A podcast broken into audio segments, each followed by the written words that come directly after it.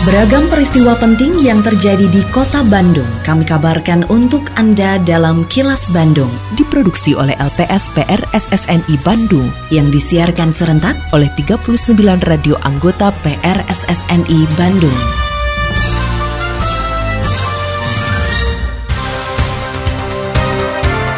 Sejumlah informasi aktual kami hadirkan untuk Anda dan inilah informasi utamanya pemerintah Kota Bandung akan bantu jaga Masjid Raya Al-Jabar. Tekan kasus DBD, Dinas Kesehatan Kota Bandung bakal gunakan bakteri Wolbachia. Pengadilan Tinggi Bandung apresiasi putusan MA terkait vonis mati Heri Wirawan.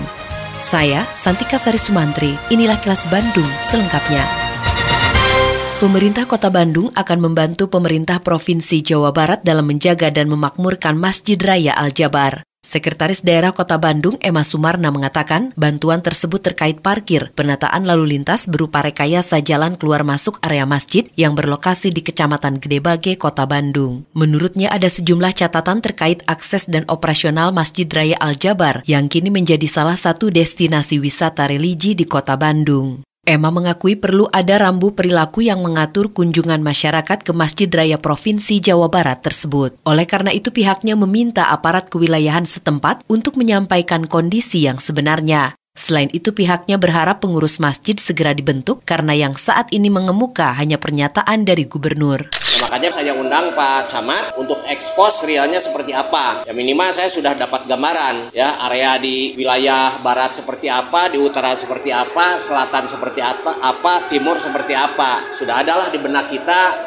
di saat nanti misalnya ada penjelasan dari Pak Camat mudah-mudahan juga pengurus dari masjid ini kan segera dibentuk. Sekarang ini yang baru terpublish kan ketua DKM-nya Pak Gubernur. Nah tapi kalau untuk pengelolaan selanjutnya itu kan memang otoritas provinsi. Nah kita secepatnya tunggu supaya apa? Kalaupun ada kerjasama kita jelas kerjasama dengan pihak pengelola dari Masjid Al-Jabar itu sendiri Pemerintah Provinsi Jawa Barat mengapresiasi positif hadirnya inovasi mesin pengolah sampah hasil karya Kodam 3 Siliwangi. Gubernur Jawa Barat Ridwan Kamil merasa optimis jika inovasi pengolahan sampah yang ditemukan oleh Pangdam 3 Siliwangi, Maijen TNI Kunto Arif Wibowo tersebut diproduksi secara massal, mampu mengurangi produksi sampah di Jawa Barat. Menurut Ridwan Kamil, setiap harinya produksi sampah di Jawa Barat mencapai 24.790 ton. Dengan bantuan alat pengolah sampah dari Kodam 3 Siliwangi, ia berharap produksi sampah akan berkurang minimal 30 persen. Selain dapat mengurai sampah, alat pengolah sampah ini ramah lingkungan dan sampah bisa langsung habis di tempat. Bahkan inovasi tersebut memiliki nilai ekonomi karena sampah juga bisa dikonversi menjadi bahan bakar kita ingin minimal 30% dari sampah per hari itu habis di tempat.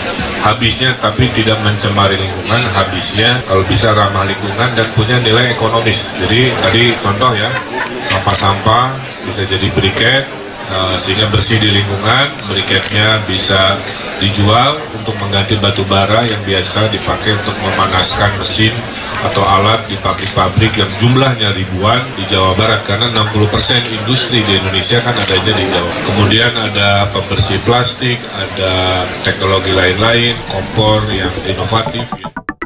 Untuk menekan angka kasus demam berdarah denggi atau DBD di Kota Bandung, Dinas Kesehatan Kota Bandung bakal menggunakan teknologi baru, yaitu memanfaatkan bakteri Wolbachia. Kepala Dinas Kesehatan Kota Bandung Anhar Hadian mengatakan, Kota Bandung termasuk dalam enam kota di Indonesia yang dipilih untuk menggunakan Wolbachia sebagai penghalau DBD. Meski belum mengetahui secara pasti waktu dimulainya di Kota Bandung, Anhar menyatakan Dinas Kesehatan siap melakukan uji coba. Anhar menyatakan penerapan Wolbachia merupakan program dari Kementerian Kesehatan. Menurutnya dari tiga daerah, di daerah istimewa Yogyakarta yang sudah melakukan uji coba, angka kasus dan keterisian pasien DBD turun signifikan kasus DBD di tiga kota itu menurun sampai 77 persen. Jumlah orang yang dirawat di rumah sakit karena DBD-nya menurun sampai 86 persen.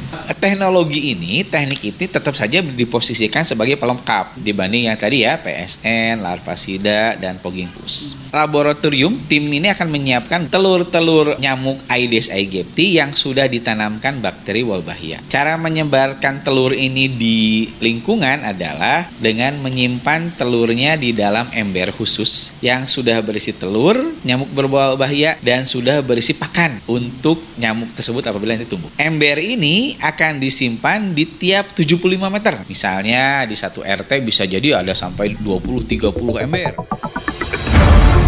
Kini, audio podcast siaran Kilas Bandung dan berbagai informasi menarik lainnya bisa Anda akses di laman kilasbandungnews.com.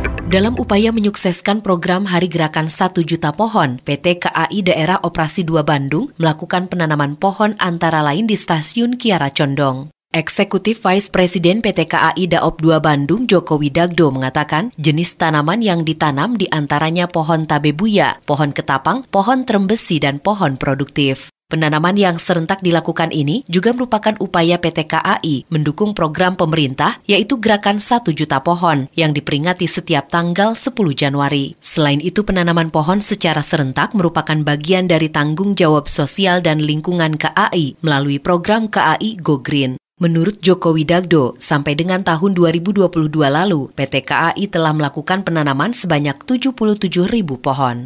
Alhamdulillah PT KAI Daop 2 Bandung turut mensukseskan program Hari Gerakan 1 Juta Pohon dengan menanam pohon di Stasiun Kiara Condong dan Gria Karya Dewi Sartika. Kegiatan ini diharapkan dapat memberikan kontribusi dalam upaya mengurangi pemanasan global sekaligus membantu pencapaian target emisi nol pemerintah pada tahun 2060. Mahkamah Agung menolak kasasi yang diajukan oleh terdakwa Heri Wirawan, pelaku ruda paksa belasan santri di Bandung beberapa waktu lalu. Atas putusan Mahkamah Agung tersebut, terdakwa Heri Wirawan tetap harus menjalani hukuman mati. Menyikapi putusan tersebut, Humas Pengadilan Tinggi Bandung, Jesaya Starigan mengatakan, dengan ditolaknya kasasi yang diajukan oleh terdakwa menjadi bukti bahwa vonis hukuman mati layak diterima terdakwa. Fonis mati yang dijatuhkan terhadap terdakwa Heri Wirawan merupakan bukti tegas penegakan hukum di tanah air yang tidak toleran terhadap kasus kejahatan serupa. Menurut Jesayas, meski kasasinya ditolak, terdakwa Heri Wirawan masih mempunyai hak untuk mengajukan satu kesempatan terakhir, yaitu peninjauan kembali atau PK. Hak tersebut dapat digunakan dengan syarat terdakwa wajib untuk menunjukkan atau menyertakan bukti baru yang meringankannya tanggapan dari pengadilan tinggi secara teknis yuridis bahwa pertimbangan majelis hakim pengadilan tinggi itu dibenarkan oleh majelis hakim tingkat kasasi sehingga hukuman mati yang dijatuhkan oleh majelis hakim pengadilan tinggi itu otomatis dikuatkan oleh Mahkamah Agung karena kasasinya ditolak. Lindungi diri dari COVID-19 dengan selalu memakai masker saat beraktivitas dan berinteraksi. Tetap patuhi protokol kesehatan untuk mencegah penularan virus corona karena pandemi belum usai. Terima kasih Anda telah menyimak kilas Bandung yang diproduksi oleh LPSPR SSNI Bandung.